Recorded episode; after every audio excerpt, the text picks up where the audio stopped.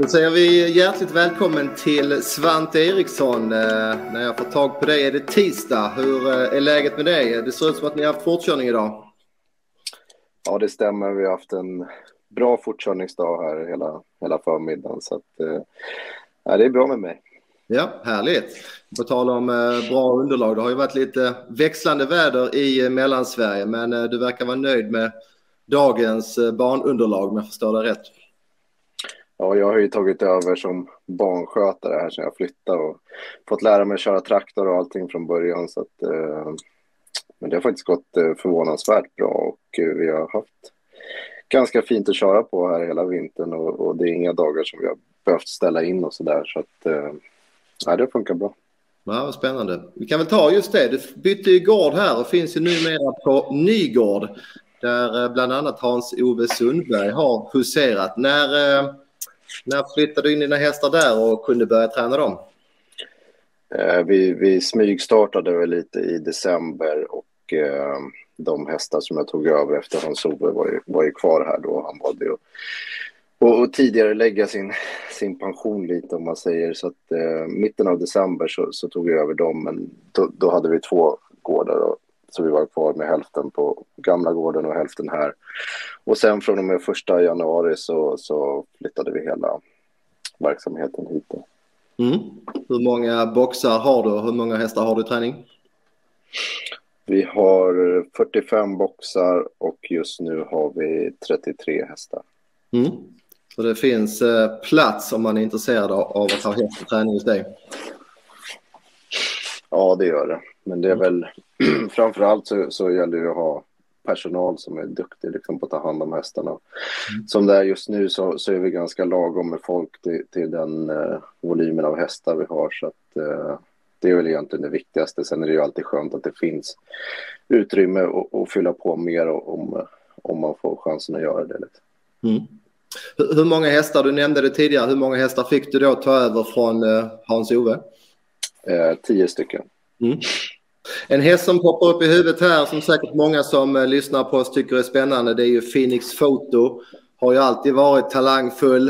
Eh, vann ju, ett, eh, vann ju Sylvesterloppet här för eh, det var väl ett år sedan. Eh, men han ser ju riktigt fin ut för dagen. Hur, hur är status på honom efter den senaste V7-segern? Nej, men han är ju en av de som verkligen har tänt till på flytten, både fräschörmässigt och, och, även en kick liksom mentalt. Så att, eh, men framför allt så, så, känns det som att han har blivit starkare och fräschare av att träna här på de nya banorna. Så att, eh, det är ju lite, det har ju alltid varit hög kapacitet i men han har haft eh, problem med travet titt som tätt och eh, han har ju aldrig varit så fin som han är nu. Så att, nej, det är verkligen roligt. Otroligt häftig häst. Och när du säger då att han utvecklas på, på nya banor, om du, om, om, du liksom förklarar lite grann, vad har du att träna på nu? Vilken typ av underlag och vilken typ av träning som du inte hade tidigare? Nu ska inte jag säga att vi inte haft bra att träna på tidigare, för det har ju varit fint på, på alla gårdar jag har varit. Eh, men det är klart att det blir lite annorlunda här. Vi har en fin backe att träna i som går, går lite höger varv och han har ju varit en sån där som har sprungit och haft problem med svängarna och få med sig höger bak och det känns som att det är väl det som har gjort största effekten på honom att kunna träna lite i den här backen och även kört lite bakvarvsjobb. Så vi har ju tillgång både till backe, rakbana och rundbana och jättefina skogsvägar så att det, det finns ju verkligen allt att träna på. Dessutom mm. så har vi lite mer sand i, i materialet än vad jag var van att träna på tidigare. Det har varit mer eh, stenmjöl så att eh, det känns som att det är lite, lite lättare att hålla dem fräscha på det, på det här underlaget. Mm. Helt enkelt att träna hjärta och lungor utan att du behöver köra så fort kanske. Det är väl det som ofta är liksom den nyckeln man vill hitta. Ja, men exakt. Och, och, även att man kan köra dem trötta utan och liksom att det känns som att de blir ofräscha. Och, mm ja, som du säger, man kan hålla ner tempona lite också, men man behöver inte vara rädd för att trycka på om det behövs. Mm. Han vann ju på 13,9 full väg om jag inte missvinner mig. Det såg väl ut som att det fanns krafter kvar, eller?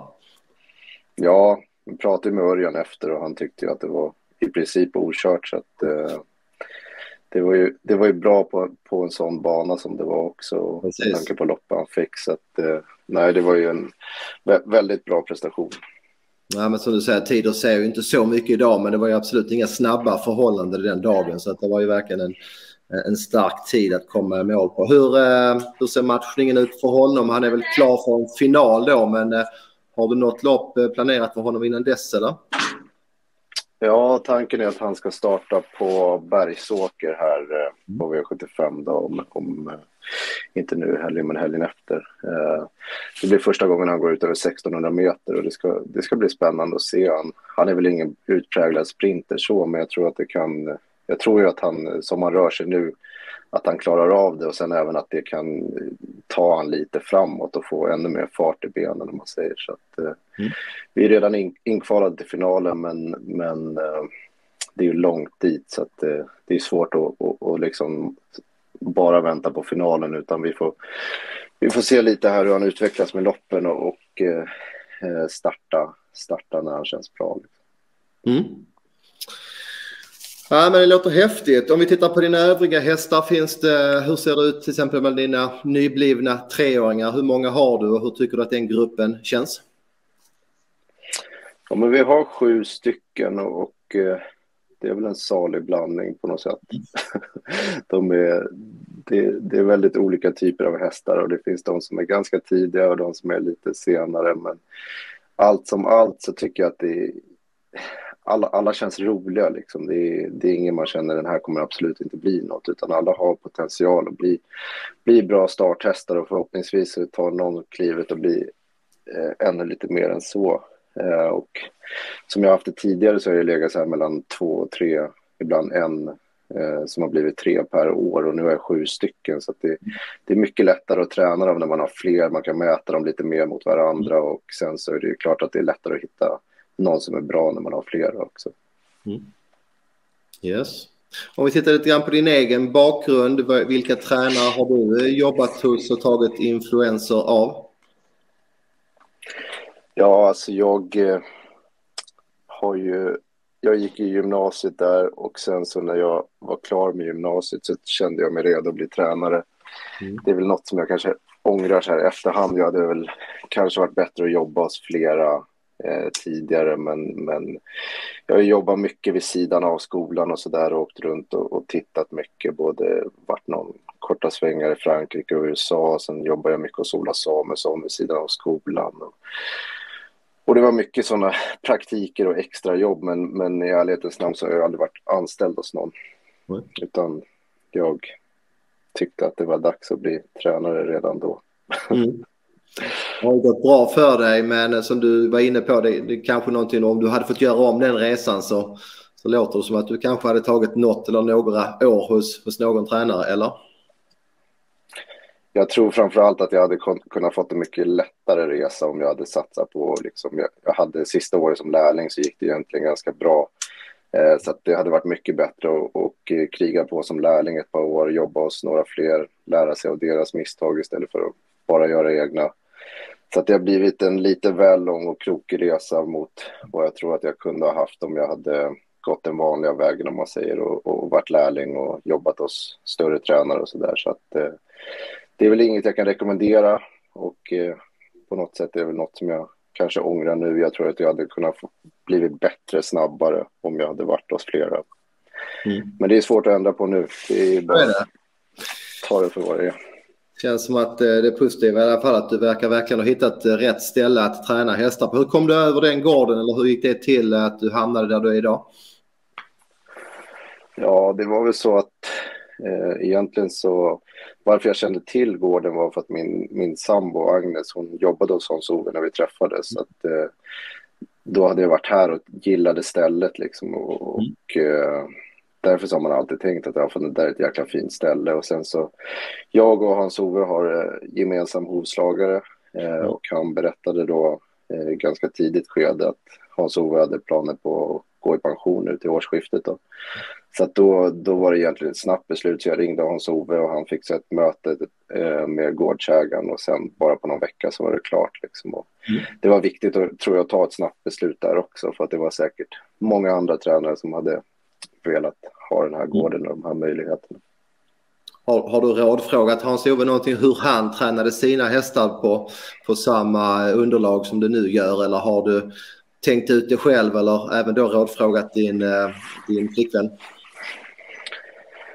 Nej, men eh, jag har frågat Hans-Ove en massa sådär, mm. men han är ju väldigt, väldigt eh, noga med att han tycker att man ska hitta sitt eget och så, så att eh, det har varit svårt och det är klart att man kan få tips och sånt från olika tränare, men det är ju precis som han säger, man måste hitta sitt eget. Det går ju liksom inte att kopiera någon, någon annans, det är väl en gammal klyscha, men det stämmer ju faktiskt. Och sen, men sen är det ju, ja, det var ju inte bara hästar som kom från Hans-Ove, det var ju även eh, delar av hans personal då, eh, som har jobbat hos honom och det är väl också en stor skillnad att, att jobba med, med duktiga skötare liksom och, eh, både de, de, som har jobbat sedan tidigare och sen då de nya tillskotten. Det har ju blivit en...